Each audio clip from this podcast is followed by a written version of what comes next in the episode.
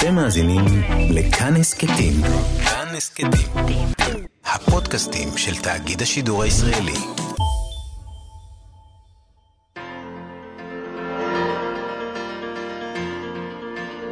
מאחורי הקלעים, שעה עם רותי קרן על צידו הנסתר של עולם התרבות והאומנות. I was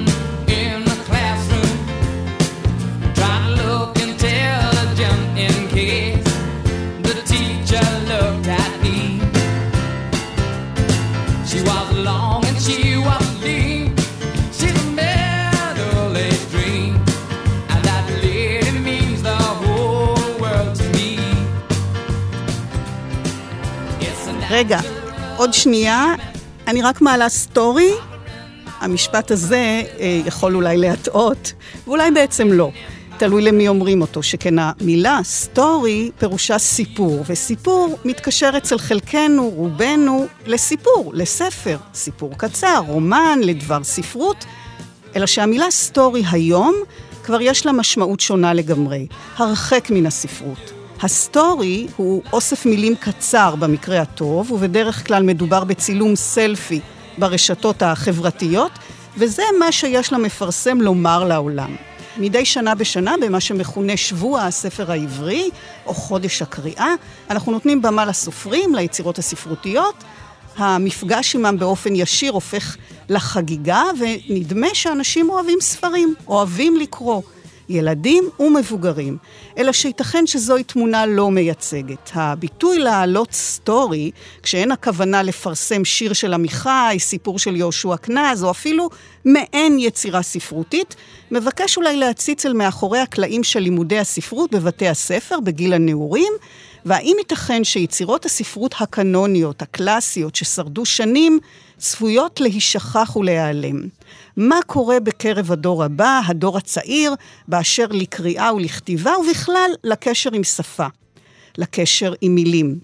אמרי לוי סדן, עיתונאי לשעבר, איש כותב, היום איש הייטק, יצא להרפתקה זמנית ובמשך כמעט שנה שימש מורה מחליף לספרות בדרום הארץ, הוא חזר עם הרבה תובנות, מחשבות, רגשות, והוא האורח שלנו היום במאחורי הקלעים.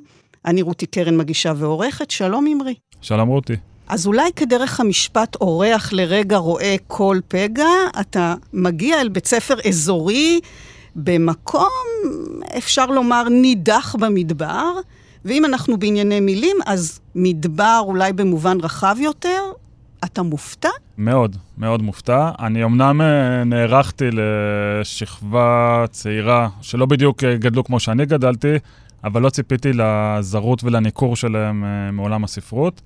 זה בא לידי ביטוי בשיעור הראשון. שאלתי שאלה פשוטה, מתי פעם אחרונה קראתם ספר? מתי בשנה האחרונה קראתם ספר? אף אחד לא הרים את היד, עברתי לשנתיים, עברתי לשלוש, והתגלגלנו, וכשהגעתי לטווח של אה, עשר שנים, אצבע מהוססת אה, הורמה באוויר, ומישהי הודתה שהיא קראה ספר לפני הרבה שנים, איזשהו רומן כזה לבני נעורים, או משהו, ספר ל- לילדים. הביאה איתה בעצם היחידה שהודתה שהיא קראה ספר באורך מלא, אז בשלב הזה הלסת שלי הייתה ברצפה ונאלצתי לאסוף אותה. אתה אומר עשר שנים, אני לא יכולה שלא להיזכר ב, בדבריו של uh, השר ביטן, שהשוויץ שהוא כבר למעלה מעשר שנים לא קרא ספר, או בשרה רגב שדיברה שהיא מעולם לא קרא צ'כוב, כלומר זה אפילו הופך למשהו שמתהדרים בו, אז מה אנחנו רוצים מבני הנוער? נכון מאוד. דוד ביטן גם הופיע במצגת uh, בשיעור הראשון. אני עבדתי איתם עם אה, מצגות, כי כמו שאמרת בהקדמה שלך, זה דור מאוד ויזואלי, דור שאצלו הסטורי הוא יותר תמונה מאשר אה, מילים. אז הכנתי להם מצגות, כי הרגשתי שיהיה צורך בעזרים ויזואליים, ולא רק בשיחה אה, פרונטלית איתם. ואחת השקופיות הראשונות הייתה השקופית שרואים את דוד ביטן, ומתחת הציטוט שהזכרת, שהוא לא קרא ספר בעשר השנים האחרונות. והם מאוד הזדהו, הם מאוד הזדהו. מאוד הזדהו. כן, מאוד הזדהו עם האמירה הזאת. אני בטוח שגם עם האמירה של רגב הם הזדהו, אם כי אני די בטוח שהם לא יכולים להגיד אותה, כי הם לא יודעים בכלל שיש כזה דבר, צ'כוב. אתם לא מכירים את השם בכלל. כן. ואתה הגעת עם תוכניות ופנטזיות, וחשבת שתלמד ספרות, ממש. בוקאצ'ו, דוסטויבסקי, עמוס עוז. ומה קורה בפועל בשיעור. אני הכנתי מצגות מאוד, מבחינתי מאוד מושקעות. שילבתי גם חומרים מהתואר שאני למדתי. אני למדתי ספרות עברית באוניברסיטה העברית. השיעורים היו מבחינתי ברמה אקדמית, גם אם מאוד מונגשים אה, לבני נעורים, הרמה שלהם והתוכן היו ברמה אקדמית. וזה פשוט לא תפס. השיעור הראשון היה לי איזשהו beginner's luck כזה, והם עוד קצת התלהבו, הם ראו שיש מורה חדש, צעיר. צעיר, אולי טיפה שונה, אז היה, כן הצלחתי ליצור דיאלוג. בשיעור השני זה כבר התרסק לגמרי. הסתכלתי על 14 פרצופים אה, בוהים. לא מעוניינים, לא מרוכזים. זה היה מאוד ברור שזה כישלון מוחלט. הכנתי מצגת שמדברת על היחס בין הספרות לאמת, הספרות לאמת ההיסטורית. אם אנחנו אוהבי מילים, אז סטורי והיסטוריה זה מילים שיש להן אה, שורש אטימולוגי אה, דומה. בצרפתית, אם אני לא טועה, זו אפילו אותה מילה. ועוד כל מיני אה, דיונים מטאפיזיים או מטה-ספרותיים על היחס בין ספרות לסיפור שמאחורי הספרות. האם מעניין אותנו לדעת מה הסיפור של הסופר, מה הוביל אותו לכתוב את הסיפור שהוא כתב. דיברתי איתם למשל על ירושלים של זהב ועל הבית שנעמי שמר הוסיפה לאחר המלחמה, על הפולמוס בינה לבין עמוס עוז, כדי להראות להם שלהרבה יצירות ספרותיות או פואטיות יש איזשהו סיפור היסטורי מאחוריהן, והשאלה שהייתה, האם אנחנו מתעניינים בזה. עכשיו, בשיעור הראשון הצלחתי עוד לייצר איזשהו דיון איתם. דיברנו ממש על uh, כל מיני מונחים בסיסיים בעולם הספרות ובעולם הקריאה, ואיכשהו זה uh, תפס. השיעור השני, הרגשתי, אתה עומד מול כיתה, אתה פשוט מרגיש שאף אחד לא מקשיב לך, אף אחד. הם לא כל כך הפריעו בשלב הזה, פשוט כל אחד בענייניו. וזו תחושה מבעיטה. מי שעמד מול קהל, בין אם זה קהל במופע סטנדאפ, בקונצרט או מול כיתה, יודע כמה הפחד הזה שאתה מכין משהו, ופשוט הציבור לא מעוניין בסחורה שלך, וזאת הייתה התחושה שלי. אתה שואל שאלות, אתה מנסה לעורר, מפנה לשקופיות, גם דילגתי קצת, רצתי, ניסיתי, שום דבר לא עבד, הקסם לא עבד, ואתה מסיים שיעור עם זנב אה, בין הרגליים, ועם תחושה מאוד מאוד מאוד קשה של אה, כישלון. אני אוסיף אולי שהכישלון הזה מאוד משפיע על אה, מורה ברמה הרגשית וברמה התודעתית. זו תחושה מאוד עמוקה וצורבת של כישלון, וזה לא משהו שקל להמשיך איתו את היום. כן, אני, הזו. אני מנסה לחשוב מה קורה לך תוך כדי, כי אתה צריך להחזיק שם שעה, נכון? או שעתיים, ואני מבינה שכבר בהתחלה הבנת שאתה לא מצליח אה, לא רק להקסים, אלא אפילו להשתלט. אז אני קודם כל אגיד שפלאפונים זה היה, היה לי ברור מראש, שזה מלחמה שאני לא אוכל לנצח בה. אם זה אני מול הסמארטפונים, אז חבל על הזמן שלי ושלהם. לכן, אה, כבר בשיעור הראשון ההנחיה הייתה להביא את הפלאפונים אליי. זאת הנחיה שהם אה, כיבדו, אבל לא כל כך בקלות. כלומר, הייתי צריך לאכוף אותה, הרבה פעמים היה מישהו שמחביא פלאפון בתיק, והייתי צריך לספור את הפלאפונים ולספור את מספר הראשים בכיתה. ולהצליב את המידע ולראות שבאמת כולם, והיו כאלה שבמהלך השיעור, אם עזרתי לתלמיד, הגיעו לשולחן שלי ופשוט משכו את המכשיר בחזרה אליהם. אבל זה היה קרב חשוב, כי הקשב והריכוז, ובלי זה פשוט לא אפשר לנהל אה, שיעור. בעצם מדובר בשלוש שעות של שיעור, יש הפסקה אחרי שעתיים. השעתיים הראשונות, ככה הגדרתי להם, לומדים לקרוא, זו הייתה הכותרת, ובשעה השלישית לומדים לכתוב. אז ה- לומדים לקרוא זה השלב שבו ניתחנו יצירות ספרותיות, עסקנו בכל מיני רעיונות. כשרצינו לנתח. שרצינו לתת. והם היו אמורים להביע את אה, דעתם, והשעה השלישית זה משימות כתיבה שבהם הם קיבלו הזדמנות לבטא את עצמם. באופן כללי אני אגיד לך, היה יותר קל להם לכתוב, לבטא, מאשר החלק של לקרוא, שהוא מצריך יותר ריכוז, צריך לחשוב על דברים שמישהו אחר אמר, לא על מה שאתה אומר. ובאותו שיעור אה, קטסטרופלי, אז החלק של הלקרוא פשוט, אה, כמו שאמרתי, הוא לא עבד. אני חושב שיותר גרוע מהפרעה זה אדישות, כלומר זה, זה איזושהי אפתיות מוחלטת לעובדה שאתה עומד מולם ולעובדה שאתה מנסה לעניין אותם, ואתה תוך כדי שיעור, המוח שלך רץ. מה אני עושה? מה קורה פה? אמ, אף אחד לא מקשיב לי, זה פשוט לא מעניין. אז, אז אתה מנסה לחשוב, רגע, מה השקופית הבאה? אולי אני ארוץ אליה, אולי אני אחזור אחורה, אולי בכלל נדלג על השיעור הזה, אולי נמציא משהו מהרגע לרגע. כל המחשבות האלה עוברות בזמן שאתה מדבר מול הכיתה עדיין. זה נגמר בסופו של דבר, ואני חזרתי הביתה עם הזנב אה, בין הרגליים ממש. התקשרתי גם אה, לבן אראלי, הוא היה המנהל של הבית ספר, אה, בית ספר בעין גדי, ואמרתי לו, תקשיב, אני, אני כישלון מוחלט. כל הפרויקט הזה זה היה כישלון מוחלט, זאת הייתה טעות. אני לא מצליח לעניין אותם, אני לא יודע מה לעשות. ועשיתי הרבה חשבון נפש אה, אחרי השיעור הזה, שהוביל אותי באמת לשינוי די רציני בהמשך. אז זהו, אני, אני תוהה איך אה, באמת אה, מסוגלים להגיע לשיעור השלישי, ומה אתה חושב שאתה מסוגל לעשות, לשנות, להיכנס בכלל לכיתה. אז כן, קודם כל, היא רב הפחד. כלומר, זה לפני שאתה נכנס לשיעור השלישי, אחרי, הש... אחרי השיעור שחוויתי, פחדתי, פשוט פחדתי. פחדתי, בכלל רצית להיכנס? מאוד רציתי. רצית? מאוד, דווקא בגלל מה שקרה Mm. בשיעור השני, מאוד רציתי. היה לי ביטחון, היה לי ביטחון בזה שיש לי תוכן מעניין להעביר להם. היה לי ביטחון מובנה בספרות, העברית והכללית, כי אני יודע שזה עולם מדהים, וידעתי שיש לי חומר טוב להעביר להם. אז לא היה לי ספק באיכות הסחורה, היה לי ספק ביכולת שלי להנגיש אותה אליהם. ולכן בשבוע הזה שבין אה, השיעור השני לשלישי, החלטתי לדבר איתם לא כמורה, אלא כבן אדם, ולספר להם על איך אני הגעתי לעולם הספרות. וכדי לספר את זה, בחרתי גם תפאורה אחרת. יצאנו מהכיתה והלכנו לספריית הבית ספר, שהיא מאוד, זה מרחב מאוד יפה ומושקע, מעוצב יפה, חדש מאוד, והחלטתי לדבר איתם על האהבה שלי לספרות בספרייה. למה? כי אני גדלתי בספרייה העירונית ברמת גן, ביליתי שם את מיטב שנותיי כילד וגם כנער.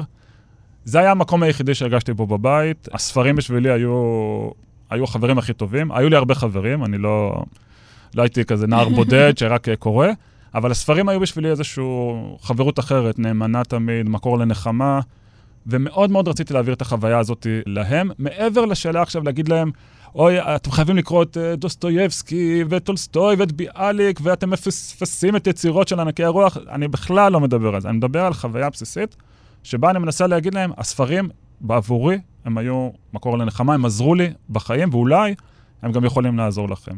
והמקום הזה, הספרייה, היה ברור כבר מההתחלה, שזה מרחב זר. הם לא מכירים אותו, הם לא רגילים אליו, הם לא שוטטו בין מדפי הספרים שעות בחיפוש. הם לא העריכו את הריח של הספרים. לגמרי. וכן, ספרייה זה מקום קסום. נכון, זה... אתה, אתה כמו בפורסט גאמפ, uh, life is like a box of chocolate, you never know what you get. אז מי שאוהב ספרייה, אז ככה זה בשבילו. כן. בשבילם זו לא הייתה חוויה. זה היה מאוד ברור כשנתתי להם משימה. המשימה הייתה בעצם, אחרי שהבנתי שהם לא קראו ספרים, מאוד רציתי שלפחות הם יסיימו את השנה אחרי שהם קראו ספר אחד, כל אחד מהם.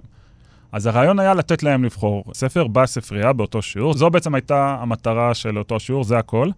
וזאת לא הייתה משימה קלה כל כך. דיברתי איתם על הספרייה, ואז אמרתי להם, כל אחד, אני רוצה שכל אחד ייגש עכשיו לאחד ממדפי הספרים, ויתחיל לחפש ספר שנראה לו.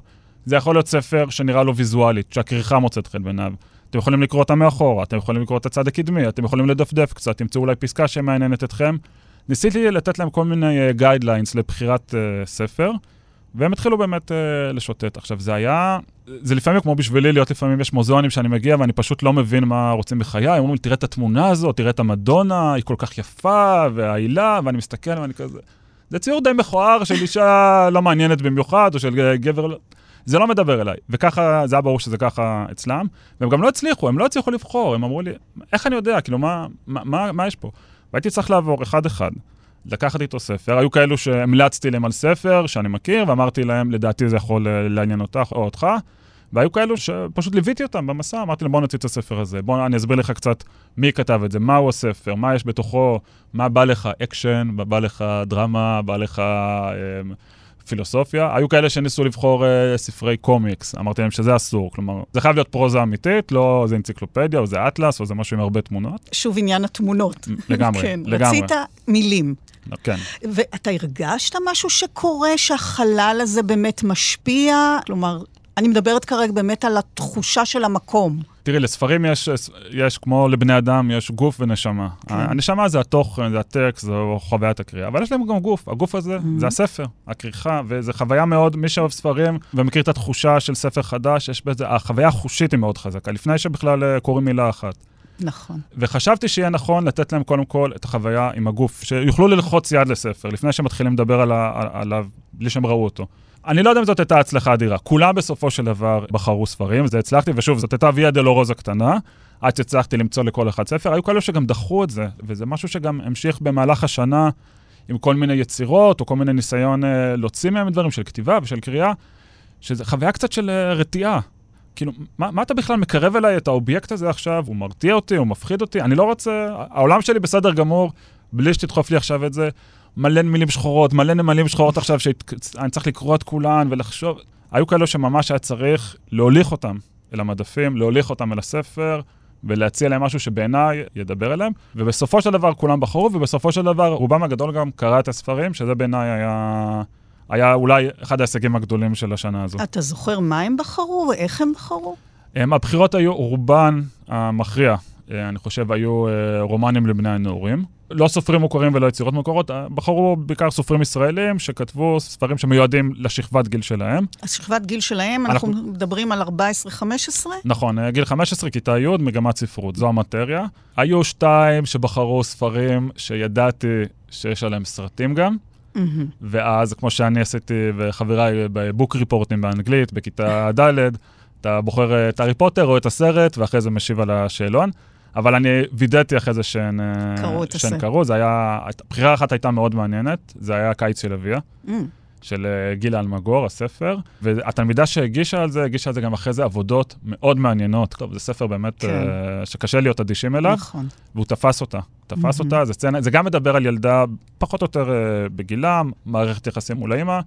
אז זה תפס אותה, השנייה בחרה צ'ארלי בממלכת השוקולד, שגם, כן, זה בסדר גמור מבחינתי, כאילו, נכון, מבחינתי, נחמד. אני התחלתי לקרוא את שר הטבעות אחרי שראיתי את הסרטים. זה כן. לפעמים אה, מבוא נכון. נהדר אה, לקריאה.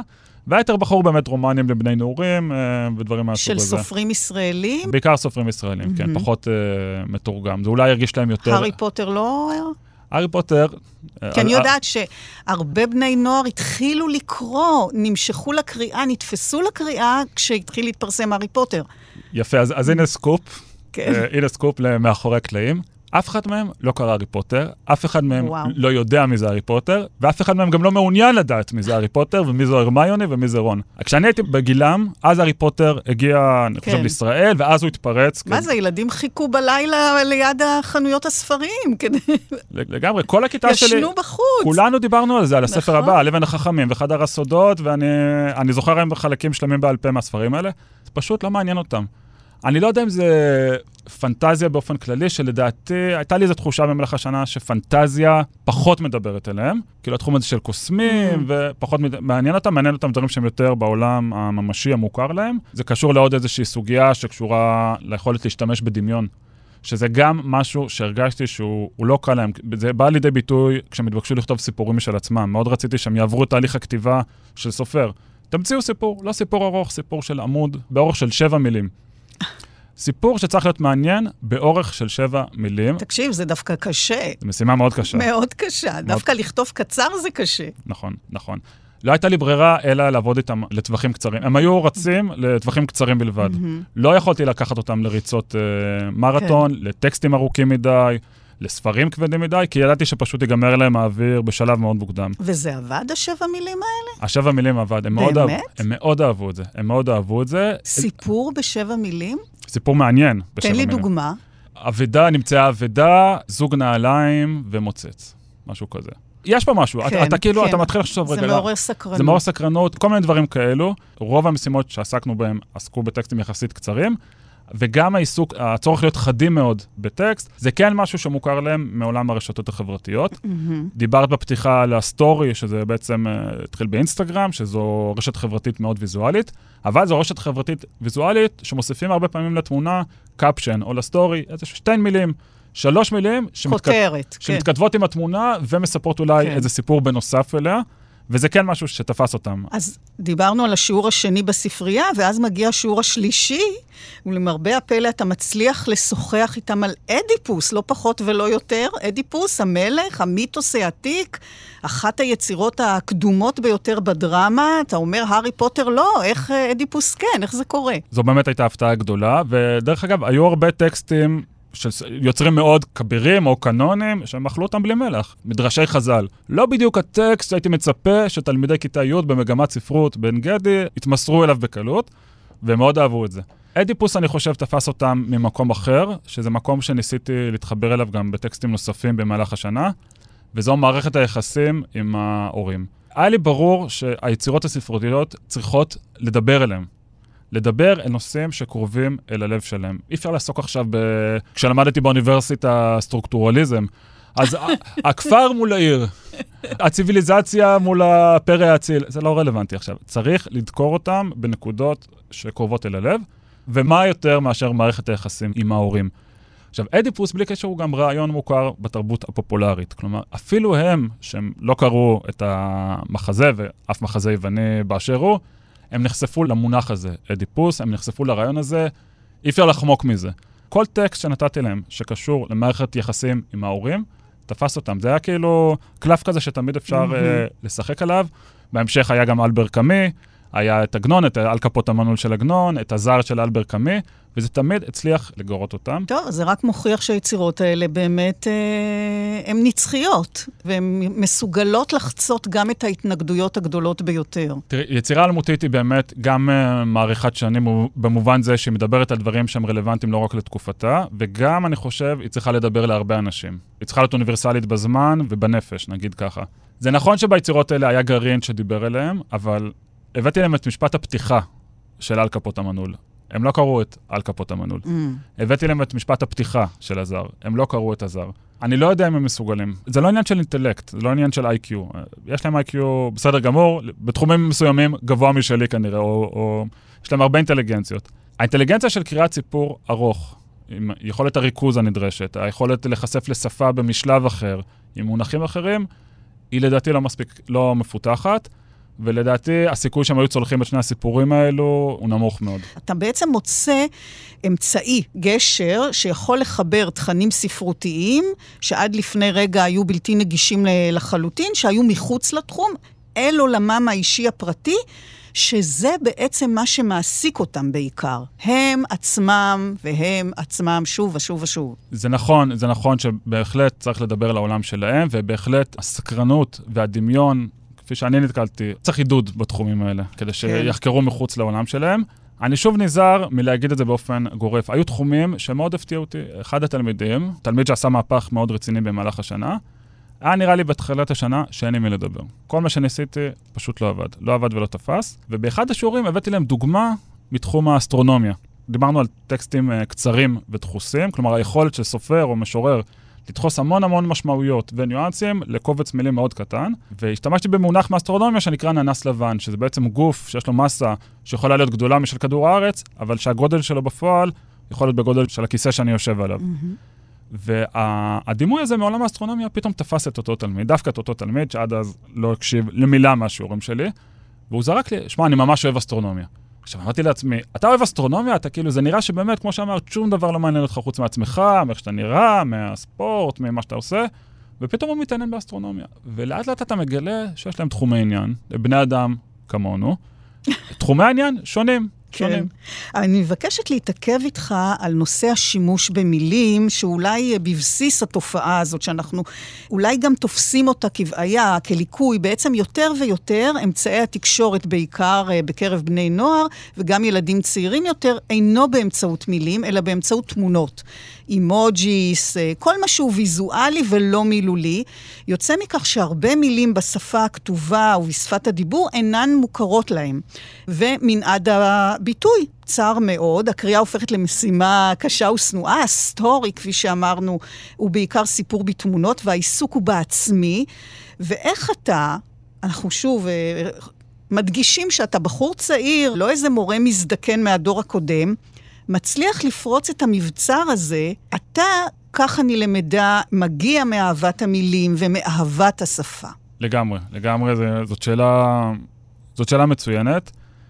יש, אה, לפעמים פותחים ברז מים אחרי שהרבה זמן לא פתחו אותו, אז בהתחלה יוצאים מים חומים, הברז אה, נשנק, ואז מתישהו מגיע הזרם הקולח והנקי. אז זאת הייתה חוויה שלי קצת איתם. המרחב מילים שלהם מאוד צר, הלקסיקון שלהם הרבה יותר מצומצם מזה שאני השתמשתי בו, אבל לאט-לאט זה הגיע. בעיקר ראיתי את זה במשימות הכתיבה. משימות הכתיבה בהתחלה היו מאוד מאוד קשות, הם הזיעו מול הדפים. את צדקת שאמרת שגם מבוגרים, אם אני אתן להם חלק מהמשימות שהתלמידים שלי קיבלו, יכול להיות שהם ייתקעו. לא תמיד קל לנו להתבטא כמו שאנחנו חושבים. אצלם אבל זה היה ממש uh, מעצור בנשק. כלומר, נתתי להם משימה, למשל, בשיטת זרם התודעה. שיטת זרם התודעה זו שיטה שכמו שהשם שלה מעיד עליה, תכתוב את כל מה שעובר לך בראש. אז המשימה הייתה, כתבו את כל מה שעובר לכם בראש במשך חמש הדקות הבאות. האמוציות שהמשימה הזאת עוררה אצלם. קשה לי להסביר את זה. לא רוצה, מה זה, מה לעשות, אני לא מבין את המשימה, אני לא מבינה.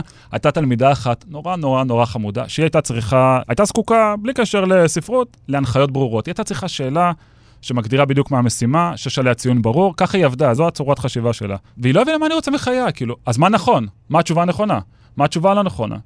זה פתוח מדי. זה פתוח מדי, זה, זה, מה עושים? ובהתחלה הם לא הצליחו, ובסוף השנה הם כתבו דברים מהממים, ואני לא, אני, אני לא החמאתי להם סתם. דברים מהממים, סיפורים כיד הדמיון אה, החופשייה, והברז הזה נפתח בסופו של דבר. אז אתה, אמרי, בוגר ישיבת הסדר, יש לך תואר בספרות, כחייל כתבת שירים, אחר כך שימשת עיתונאי, כותב ועורך ב-NRG ובוואלה. כלומר, אתה רואה במילים עולם ומלואו להיות בעולם. בשבילך, כך אתה אומר, הספרים הם חברים. והספרות היא שער לממלכה נסתרת, אבל הממלכה הזאת מפחידה את בני הנוער שאתה פוגש, וכדי לחוש את קסמיה, אתה צריך להתחיל באמת כמעט מאפס, ללמוד לקרוא וללמוד לכתוב. בשבילם אה, ספרות היא עולם ארכאי שמזוהה עם מבוגרים. מזוהה עם הורים, בעצם כל מה שהם חשים כלפיו מיאוס. נכון, נכון מאוד. אני מגיע מעולם של מילים, וגם היום, היום אני עובד כמתכנת בהייטק, שזה מקצוע שתמיד נתפס בעיניי כמתמטיקה ומשהו משעמם ומרתיע.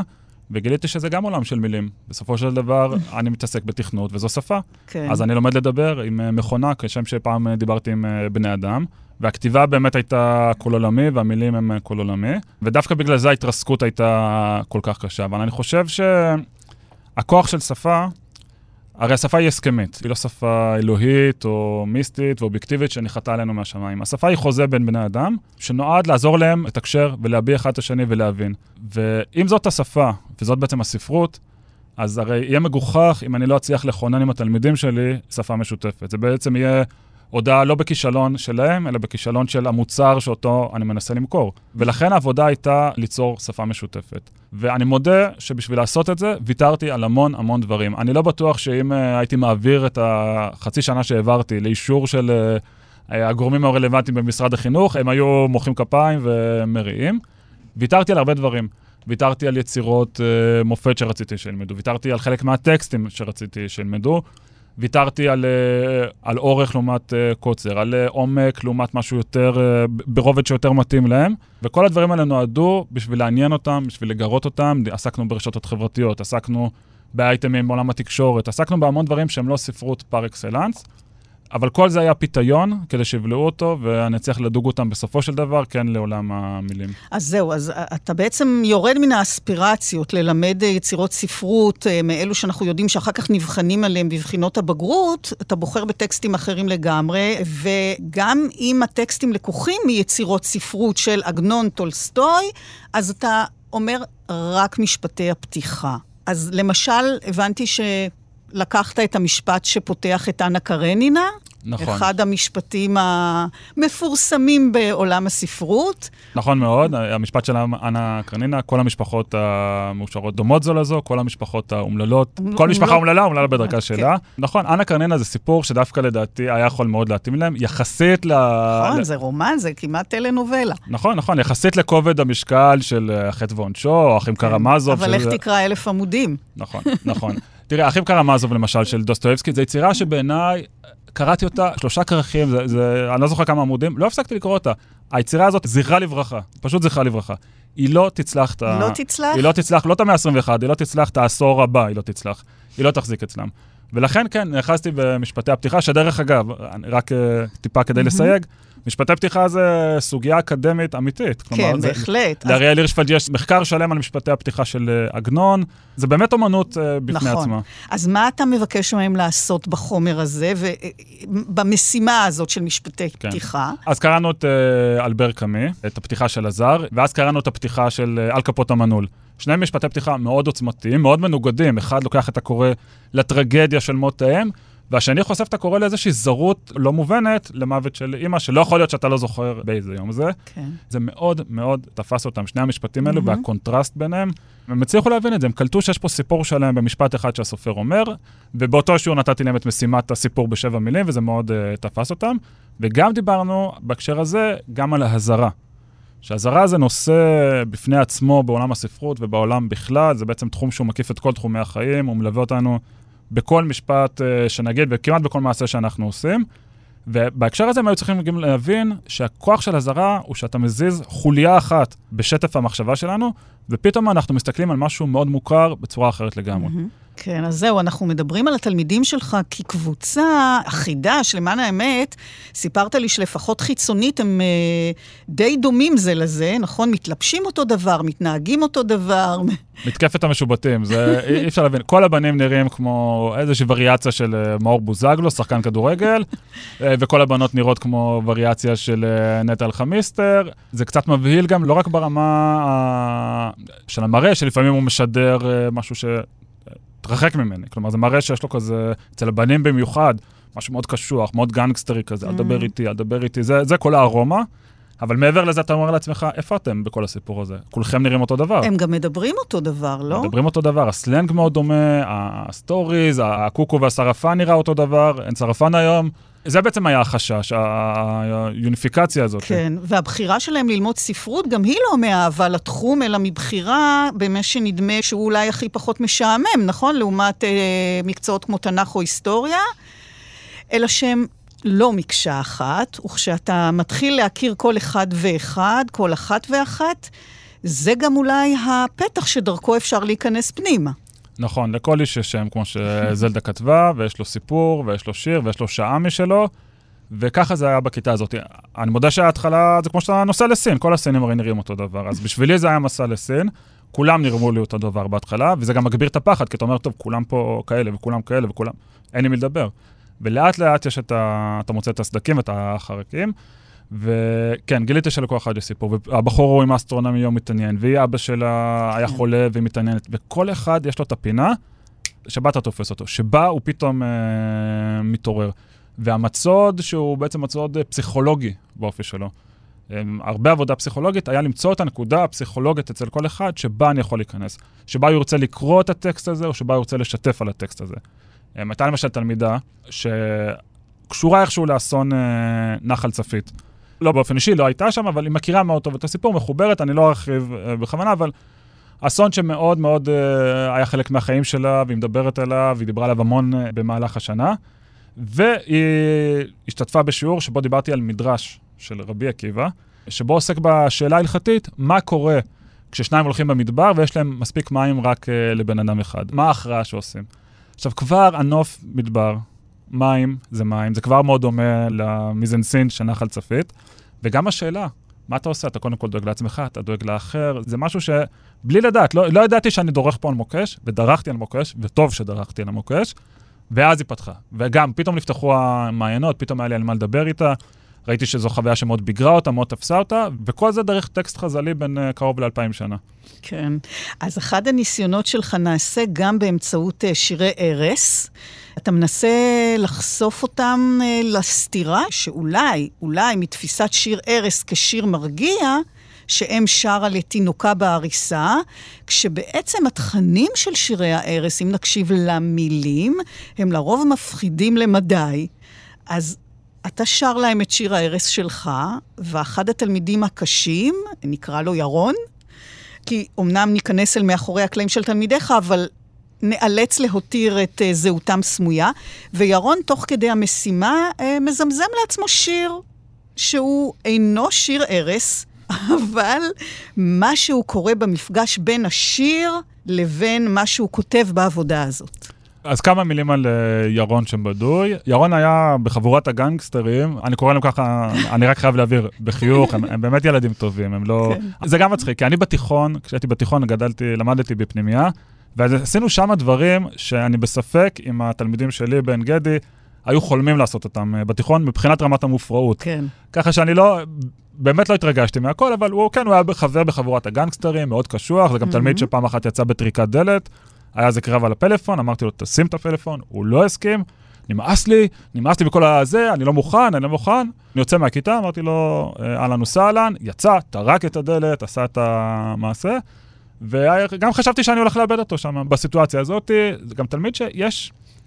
יש איזה משהו, אני חושב על זה כשאני קורא כתבות על מורים שחוטפים מכות לפעמים, שזורקים עליהם משהו, שזה משהו שבשנים האחרונות יותר מדברים נכון. עליו. יש משהו בכיתה, איזשהו, לא יודע איך לקרוא לזה, משהו, משהו באוויר, כמה חלקיקים של אלימות. כלומר, בסופו של דבר עומד מורה או מורה מול תלמידים שהם בגיל תיכון לצורך העניין, כבר נהיים אה, ז'לובים, כן. הם חברים. עכשיו, אתה לא פוחד שיכו אותך, אבל מה הכוח שלך מול הקהילה הזאת? מה אמצעי האכיפה שלך? אתה יכול לצעוק, אתה יכול להוציא תלמיד מהכיתה, אתה יכול להגיד לו ההורים, אתה יכול להגיד לו אני אוריד ציון. טוב, זה ארסנל כלים די מוגבל, גם בדמיון וגם באפקט שלו. בסופו של דבר הם הרוב, והם יכולים, נכון. שוב, לא אלימות פיזית, אבל הם יכולים פשוט למחוק אותך, הם יכולים להגיד, נניח כל הכיתה עומדת על- השולחנות ומתחילה לצעוק, מה יש לך לעשות? נאדה. והמפגש עם הבחור הזה, עם ירון, קצת עורר בי את הנקודה הזאת, כי אמרתי לעצמי, מה קורה אם הבחור הזה מחליט עכשיו לקחת כיסא ולזרוק אותו... כשאני הייתי תלמיד בתיכון, רק שתביני, היינו בשיעור אנגלית עם מורה שמאוד לא אהבנו, מאוד, היא הייתה מורה נוראית, וחבר שלי זרק עליה קליפת תפוז כשהסתובבה על הלוח. אוקיי? באמצע השיעור. זה קרה. אז זה איפשהו קיים אצלי בראש, האפשרויות. האפשרויות האלה. הם לדעתי לא היו קרובים לזה ולא חשבו על זה, כמו שאמרתי, הם היו ילדים הרבה יותר טובים ממה שאולי מצטייר, אבל איכשהו כשפגשתי את הבחור הזה, פתאום עברה לי המחשבה הזאת בראש. רק להבין עם כן. מי יש לנו עסק. אני נותן להם שיעור על, מעביר שיעור על אה, שירי ערש. שירי ערש זה שירי ערש כמובן באלף וב- ובסמך. בדרך כלל האמא עם, ה- עם הילד או הילדה, האבא או במלחמה, או בעבודה, או עם מאהבת, או עושה משהו נוראי ואיום. הוא לא איפה שהוא אמור להיות, שזה יחד עם האמא בחדר השינה של הילד, והאמא, כדי להרגיע את הילד לפני השינה, מה יותר טוב להרגיע ילד מאשר לספר לו שהאבא שלו כרגע בסכנת חיים בשדה הקרב. זה גם שיעור שנבחר בכוונה, כמו שאמרנו קודם, בגלל מערכת היחסים בין תלמידים להוריהם, שידעתי שזה זה קלף בטוח, פשוט קלף בטוח. והבחור הזה שמע שיר של דודו, פרוק. דודו פרוק, בר- ברח לי שם, שזה שם שלא הכרתי עד לאותו רגע. אה, את אמרת קודם שאתה צעיר, ואתה לא... ואתה. אני לא צעיר, ביחס אליהם. כן. ביחס אליהם, אני כבר... אה, אתה כבר סבא. ההורים שלהם זה פרה-היסטוריה ואני זה היסטוריה. אז לא היה לי מושג על מה הוא מדבר. והוא מקשיב לשיר הזה, זה שיר מחריד, אני אחרי זה הקשבתי לו. השיר נקרא אה, ערק ערק. אי אפשר להסביר, זה שיר מיזוגני, אה, מלא גסויות, נורא ואיום. את זה הוא שמע לעצמו. את זה הוא שמע, אפשרתי להם, אה, הם עבדו הרבה על מחשבים, ואפשרתי להם לשמוע מוזיקה ביוטיוב, כי היו כאלה שזה עזר להם גם עם אה, בעיות ריכוז. אה, באמת? כן, כן, וזה היה- בכיף, כאילו כל עוד הם לא אוקיי. ברשתות חברתיות והם לא זה, אז, אז לא הייתה לי בעיה. והוא מקשיב לזה להנאתו, וראיתי שהוא כזה קצת מתמהמה עם המשימה ולא ממשיך, ושאלתי אותו, אמרתי לו, תגיד, למה אתה מקשיב? אז הוא אמר לי, מקשיב לשיר, אתה חייב לשמוע את השיר הזה, אתה חייב לשמוע. הוא גם רצה קצת uh, לאתגר אותי, כי הוא ידע שזה שיר שכאילו מורה לא אמור כן. uh, לשמוע ולנתח אותו. שמתי אוזניות, הסתכל, פתחתי בגוגל את המילים, וחשכו עיניי, וגם קצת אמרתי לעצמי, אני מבין את השיר הזה, אבל זה שיר שהוא גם קצת פרודיה על השיר, הוא כל כך גס ווולגרי, מהמם. שכאילו, זה לא בן אדם שמאמין בגסות ובוולגריות, קצת צוחק על זה. ואז אמרתי לו, ירון, מה אתה אומר, אולי, אולי השיר הזה קשור איכשהו לשיר ארס? השיר ארס היה אה, רומנסה מהעולם היהודי, מתקופת אה, פוסט ימי הביניים כזה, מהבלקן. ואמרתי לו, תגיד, אולי יש קשר בין השירים, בין הסיטואציה שמתוארת באותו שיר לשיר שאתה שמעת? וככה ראיתי את הגלגלים במוח עובדים, בום, התיישב לכתוב. והיה קשר. הוא מצא. הוא מצא, הוא מצא. הוא מצא. היה לי איזה משהו בראש, אמרתי, בוא ניתן לו, הוא מצא, הוא ישב, כתב עד סוף השיעור והגיש אה, עבודה מהממת. אז גם את האינסטגרם כמדיה ויזואלית שמתעדת ומאדירה את העצמי, אתה רותם למשל אה, שיחה על הסיפור האוטוביוגרפי, וסיוון, אחד התלמידים שחי באינסטגרם, זאת שאיפת חייו, מצליח לכתוב סיפור קצר שמפתיע אותך. כן, סיוון הוא בחור מתוק, מתוק, מתוק מדבש, זה הבנתי כבר בהתחלה. אבל מה שמעניין אותו בחיים זה בעיקר הגוף שלו. הוא הולך לחדרי כושר, הוא קצת בודי בילדר כזה, בחור מכותב מאוד, הוא הראה לי כבר בשיעור הראשון את חשבון האינסטגרם שלו, שמלא בתמונות מחדר הכושר, ובלי חולצה, ועם חצי חולצה, וזה עולמו, זה נורא נורא נורא מעסיק אותו. ובאמת אחד השיעורים עסק ברשתות חברתיות. רשתות חברתיות כאוטוביוגרפיה. השיעור פתחתי אותו עם uh, סטפן צוויג, עם העולם של אתמול, ועם uh, קהלת, כדוגמה לשתי uh, אוטוביוגרפיות. דרך אגב, גם את זה הם דווקא, הם קלטו את זה, גם את קהלת, את קהלת הם אפילו יותר אהבו, זה, זה היה מעניין uh, לראות את זה. ואמרתי להם, אתם גם כותבים אוטוביוגרפיה, כל הזמן אתם כותבים אוטוביוגרפיה. איפה אתם כותבים אותה? באינסטגרם. אתם מספרים הרי על כל פינה, כל דבר שקורה לכם בחיים. וסיוון ויתר התלמידים התבקשו לעשות את המשימה הבאה. קחו את חשבון האינסטגרם שלכם, שבוע אחורה, ותנתחו, כאילו מבחוץ, מי הדמות שנשקפת אליכם מהפוסטים שאתם העליתם. והוא התחיל לכתוב, והוא כתב משהו מהמם, מאוד מודע לעצמו, מאוד יפה, וזה היה מאוד מעניין uh, לראות את זה, שהוא הצליח פתאום להבין את הסיפור שלו. בהמשך השנה, הייתה להם משימה לכתוב סיפור. הוא כתב סיפור, סיפור uh, מומצא לגמרי, דמיוני. כשקיבלתי את הסיפור הזה, הלכתי למנהל. למה הלכתי למנהל? כי היה לי ברור שהסיפור הזה הוא גם אוטוביוגרפיה, הוא עליו, והיה לי ברור שבסיפור הזה יש אה, רכיבים לא, לא, לא קשים ונוראים, אבל שאני צריך להבין. בסיפור הזה מסופר על נער שהיה חשוף פעם לבריונות, שהציקו לו והתעללו בו. הנער הזה עובר דירה, הוא מאוד חושש מהמעבר, הוא עובר בית ספר, הוא מאוד חושש, וכדי להגן על עצמו, הוא לומד אומנות לחימה, כדי שהוא יהיה בטוח. והבנתי שהוא מדבר על עצמו, ואחרי זה כשביררתי עם המנהל וביררתי את הסיפור של אותו נער, התברר שהוא הולך לעבור דירה, ואחרי זה דיברתי עם אותו נער, והתברר שהוא אכן חווה בריונות uh, בעבר, ובעצם טיפוח הגוף שלו, שאותו הוא מקרין לאינסטגרם, זה חלק מהתשובה שלו לדבר הזה. כלומר, בי לא ייגעו, כן. תראו איך אני נראה. וזה היה תהליך מאוד ארוך שהתחיל באמת מניתוח הפוסטים שלו באינסטגרם, עד לזה שהוא הצליח לכתוב סיפור מלא, מעניין, ששואב מעצמו, אבל גם נגיש לקוראים אחרים. גם uh, התלמידה שקראת לה מורן, היא תלמידה שהסתובבה עם uh, דימוי עצמי נמוך, לא התעניינה במיוחד בספרות, והנה היא מתגלה במפתיע, גם היא עם סיפור מרתק. מורן זה סיפור על מעניין, עצמה. נכון, והדימוי העצמי זה גם איזה מילת מפתח. אנחנו הרבה פה סביב אה, פסיכולוגיה, כן. ולרבים מהם היה דימוי עצמי מאוד מאוד נמוך. לצד כל הפסאדה, והביטחון, והמראה, וה... הם נראו באמת, הם נראו הרבה יותר טוב ממה שאני נראיתי בגילם. אני בגיל 15 נ- לבשתי טרנינג, כל הגוף שלי היה מלא פצעונים, והייתי בחור די מכוער, עם משקפיים כאלה עקומות. הם נראים כמו אנשים בוגרים, הם יודעים להתלבש, הם יודעים איך לדבר, הם יודעים, יש להם עמידה, יש להם ביטחון מאוד גדול. לכאורה. כמובן. וחלק הארי של החבורה הזאת, קלטתי שהם מבריקים פתאום, וכשהם מוכנים לרתום את הכלי שיש להם בתוך הראש לטובת איזושהי משימה, יוצאים דברים מדהימים. ואז אותו בחור או בחורה אומרים לך, כן, אני טיפש, אני סתום, אני לא יכול, אני לא מצליח. אתה באמת לא מבין מאיפה זה מגיע. הייתה משימה של אה, זרם התודעה. השאלה הייתה מי אני. כלומר, אתם צריכים לכתוב בשיטת זרם התודעה, בתשובה לשאלה מי אני. זה, זה הכל.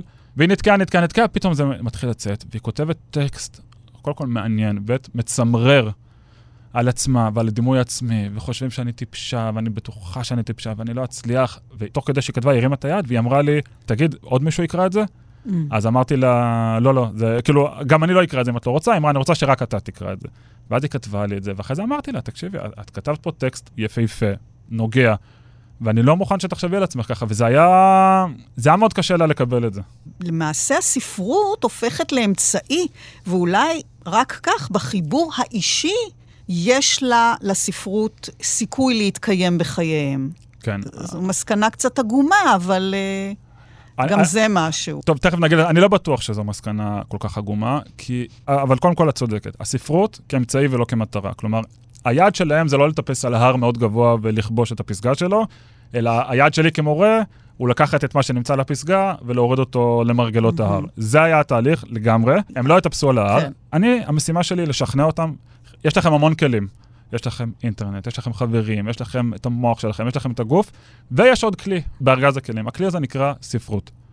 תלמדו אותו, תרכשו אותו, מה טוב, הרווחתם, הרווחתם כלי אדיר. היכולת להבין את השפה בצורה עמוקה, היכולת להבין מה זה טקסט ומה זה סאב-טקסט, זה כלים. הם ישמשו אתכם במערכות יחסים, ודיברנו על מערכות יחסים, הם ישמשו אתכם במקום הפסיכולוג, הם ישמשו אתכם במקומות עבודה, בראיונות עבודה, ואני, המשימה שלי כרוכל בשוק, לשכנע אותם באיכות המוצר. אז זהו, זה נשמע לי תסכול מתמשך, אמרי. אה, אני תוהה איך אתה מצליח למשוך ולהיות יצירתי ולחפש כל פעם דרכים אחרות והקלות כדי להביא אותם קצת אל עולם המילים. זה, זה כל... התשובה לזה אני השתכנעתי. כלומר, השתכנעתי שזה תפקיד הספרות בעולם, זה מקומה Mm. בעולם. ושהבנתי שכל ניסיון לדבר על הספרות כעל חלק מקאנון שתלמידים חייבים לדעת, כמו בתקופת uh, הקלאסיקה של המאה ה-16, שאז התחיל, אז בעצם התחיל הרעיון הזה של לימודים קלאסיים, שכל אחד חייב לדעת לטינית, והיסטוריה, ומיתולוגיה, ואובידיוס, ולקרוא זה סט אדיר של, אה, אני אף פעם לא מבין שרואים את הסרטים האלה, הם יודעים כל כך הרבה דברים. העידן הזה נגמר, פשוט נגמר. זה לא ילך, זה לא יעבוד. אם ננסה בעקרבים ובשוטים, זה פשוט יתפוצץ בפנים, אין שום סיכוי. ואני גם השתכנעתי שזה לא נכון. זה לא נכון, כי הספרות באמת, אין מה לעשות, כמו כל עולם הרוח. המציאות השתנתה, העולם שלנו השתנה, העולם היום הוא חומרי יותר, העולם היום הוא פרגמטי יותר, הוא עוסק בדברים הגלויים והנראים uh, לעין. ועולם הרוח הוא לא נכחד, אבל הוא צריך למצוא את מקומו בהיררכיה החדשה של תחומי עניין ושל uh, מרחבי דעת. ובמובן הזה, כן, כן, אני, אני חושב שהספרות צריכה להיות אמצעי ולא מטרה. ואת uh, עולם המילים אתה מנגיש לא רק דרך ספרות, uh, ספרות יפה, אלא גם דרך uh, כתבה או סיפור עיתונאי. אתה בוחר ברצח uh, תאיר ראדה וסיפור uh, רומן זדורוב, לא רק uh, כי באמת יש במקרה הנורא הזה... שלמרות הכרעת בית המשפט, יש לגביו תחושה של סיפור לא מפוענח, אלא כי יש לך גם קשר אישי כעיתונאי שסיקר את המקרה, וקצת פישל, נכון? ואתה מבקש מהם להפוך לעיתונאים חוקרים. נכון מאוד. אז התפיסה שלי היא שכל מה שאנחנו נוגעים בו הוא שפה וסיפור. הכל, המרחב הפיזי, הנפשי, המערכות היחסים, הכל. ולכן לי זה נתן כמורה חירות להרחיב את לימוד הספרות בעצם ללימוד הכל.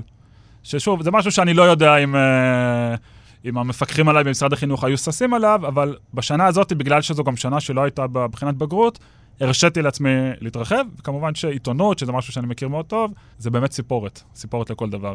ולסיפורנו, אה, בעודי כתב מתחיל מהניילונים. אני נשלח לסקר את אה, פסק הדין של רומן זדורוב בעליון, כלומר אחרי הערעור למחוזי.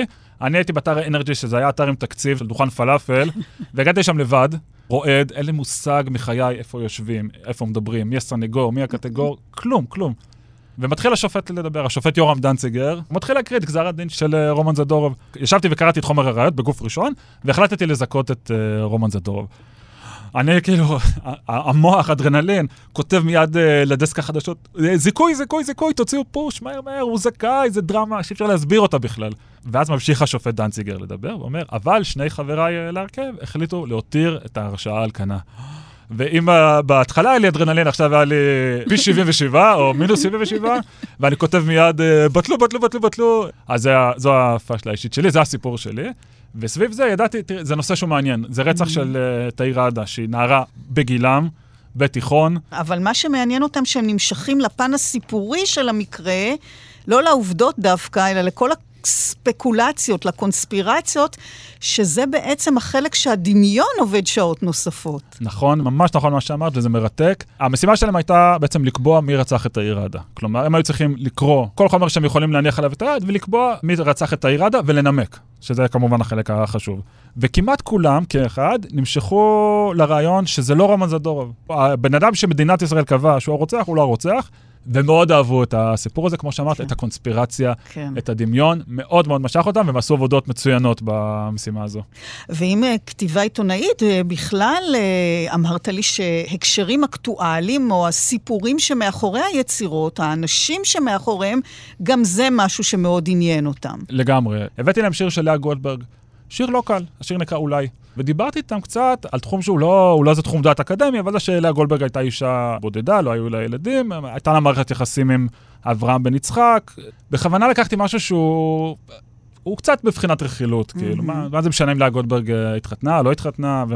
הצגתי להם במצגת תמונה של לאה גולדברג, וניתחנו את השיר, שזה שיר אהבה נכזבת בשלושה חלקים, והשיר הזה הוא שיר לא קל לניתוח, כלומר, יש לו איזשהו מהלך פנימי, כן. יש לו בית ראשון, ואז הבית הש... האחרון, שהוא מאוד דומה לראשון, אבל היא משנה כמה מילים, ופתאום כל המשמעות משתנה. Mm.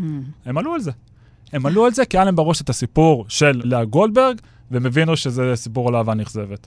אז אתה מצליח לייצר עניין ומעורבות, אבל זה בערבון מוגבל, אפשר לומר שבודדים באמת אה, גילו עניין אמיתי ביצירות ספרות. אחת מהן זאת הגר, שהייתה תלמידה יוצאת דופן, גם אה, בעלת יכולת ביטוי וגם קראה ספרים קודם.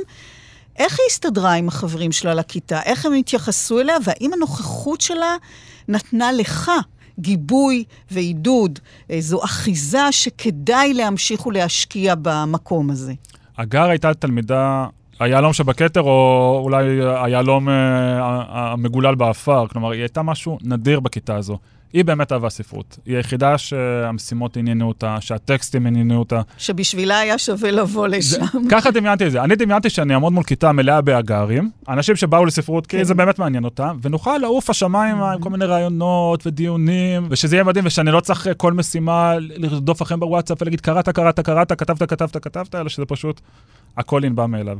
ולפני שבאתי לפה, הסתכלתי קצת על התכתבויות איתם, וראיתי שהיא כתבה לי בוואטסאפ אחרי אחד השיעורים. ובאותו שיעור הייתה לה משימה בזוגות. זה היה השיעור היחיד שהרגשתי שהיא לא מוצאת את עצמה. היא לא מסתדרת. היא חמקה ממי ששידכתי לה, והתבודדה בצד, ויצאה מהכיתה, וזה כל כך לא התאים לה, כי ידעתי שהיא מאוד בעניין. והיא כתבה לי אחרי השיעור שקשה לה עם הציוות שעשיתי לה, כי היא מרגישה שהיא היחידה שתופסת את השיעורים ברצינות, ושהיא פוחדת שיצחקו עליה.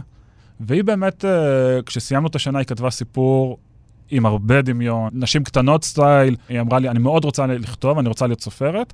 והיא שאלה אותי מה דעתי בנושא, אמרתי לה, תלכי על זה, תלכי על זה.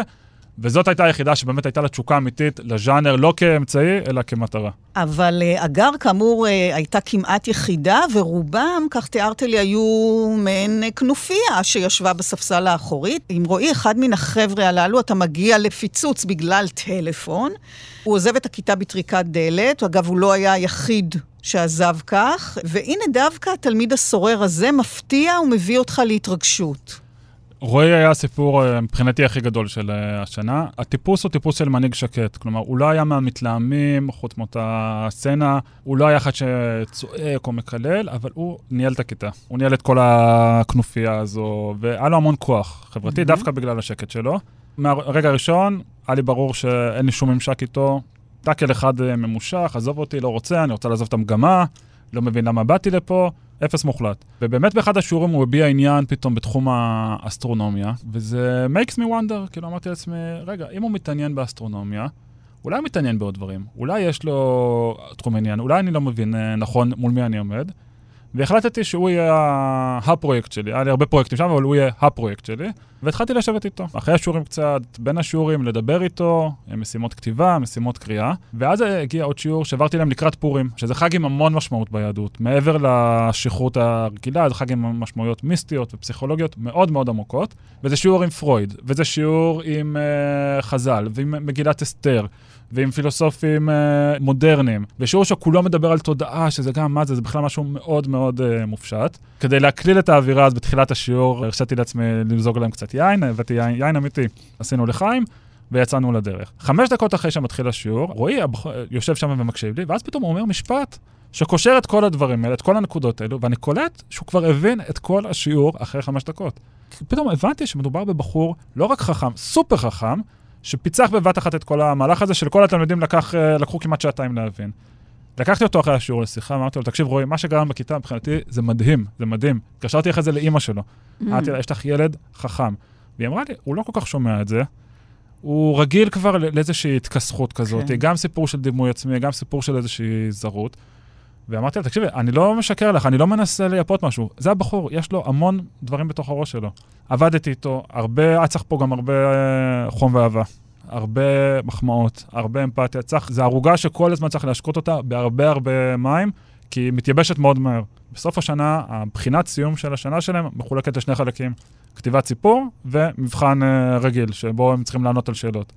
החלק של הסיפור, לי היה אפילו יותר חשוב, ורועי נתן שם סיפור מרתק, עם דמיון, עולם של עכברים וחתולים, בכלל עולם של בני אדם, mm. והוא סיים את השנה עם הציון הכי גבוה בכיתה, וזה מהפך מדהים שהוא עשה.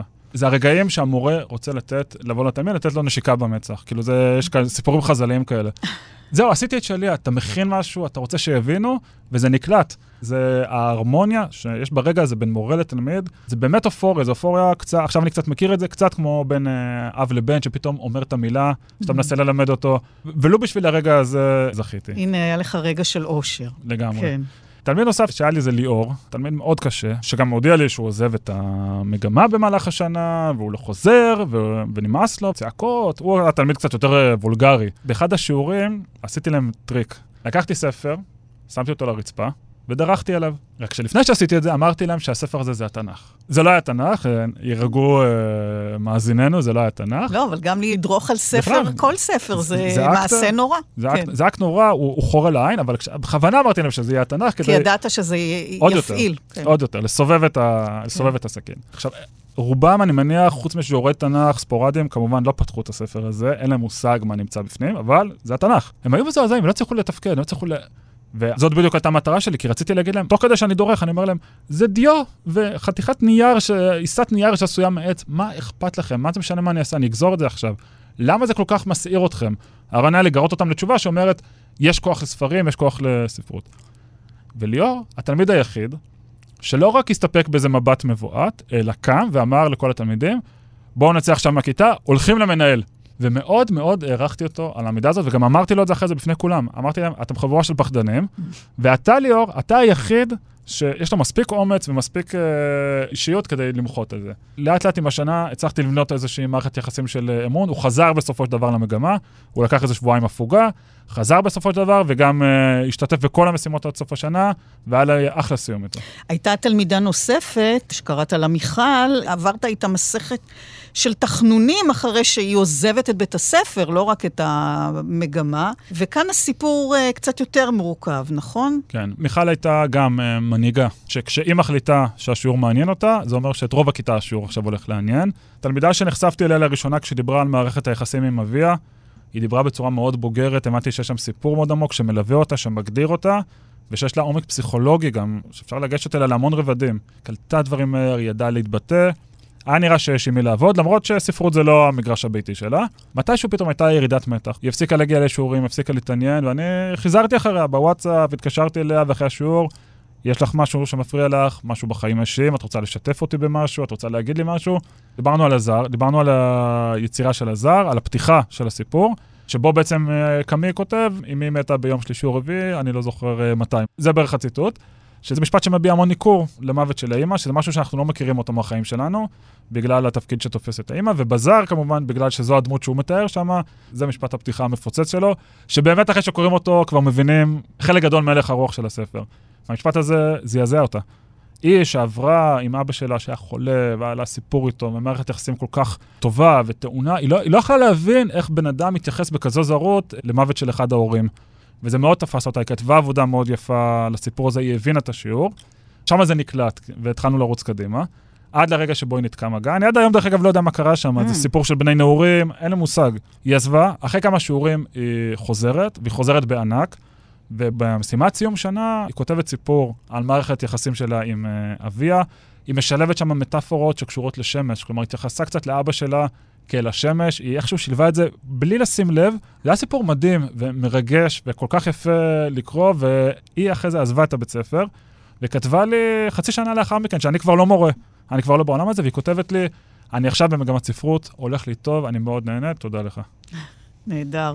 אז באת עם חלום, לגרום uh, לקבוצת בני נוער להתאהב בספרות, ולמדת בעצמך שיעור לא קטן, גם על הספרות, ואני מבקשת לשמוע מה אתה חושב שהותרת בהם, שחרטת בהם, ועד כמה למפגש הזה, להערכתך, תהיה השפעה באשר ליחס שלהם, לסקרנות, למשיכה, לקריאה ולכתיבה של מילים, של ספרות. במקרו, מה נשאר? מה נשאר מהזוהר, מכל השירים, מה נשאר? כמו ששר אה, דני רובס על זוהר ארגוב.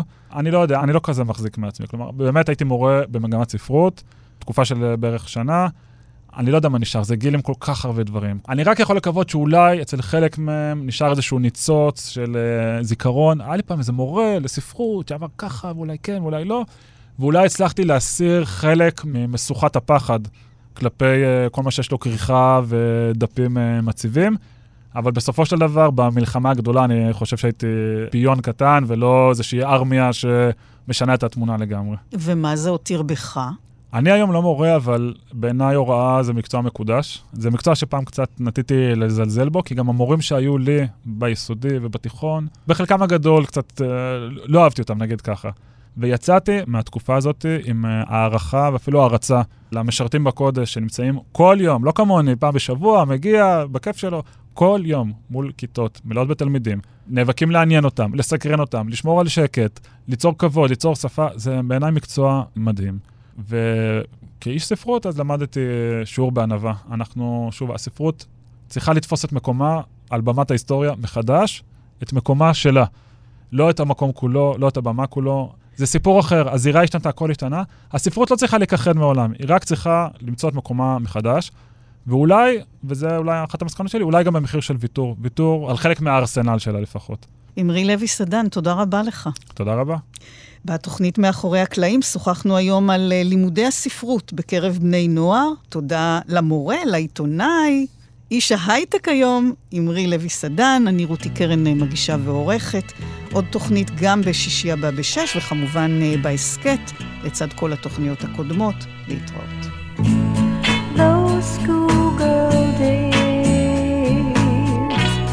Of telling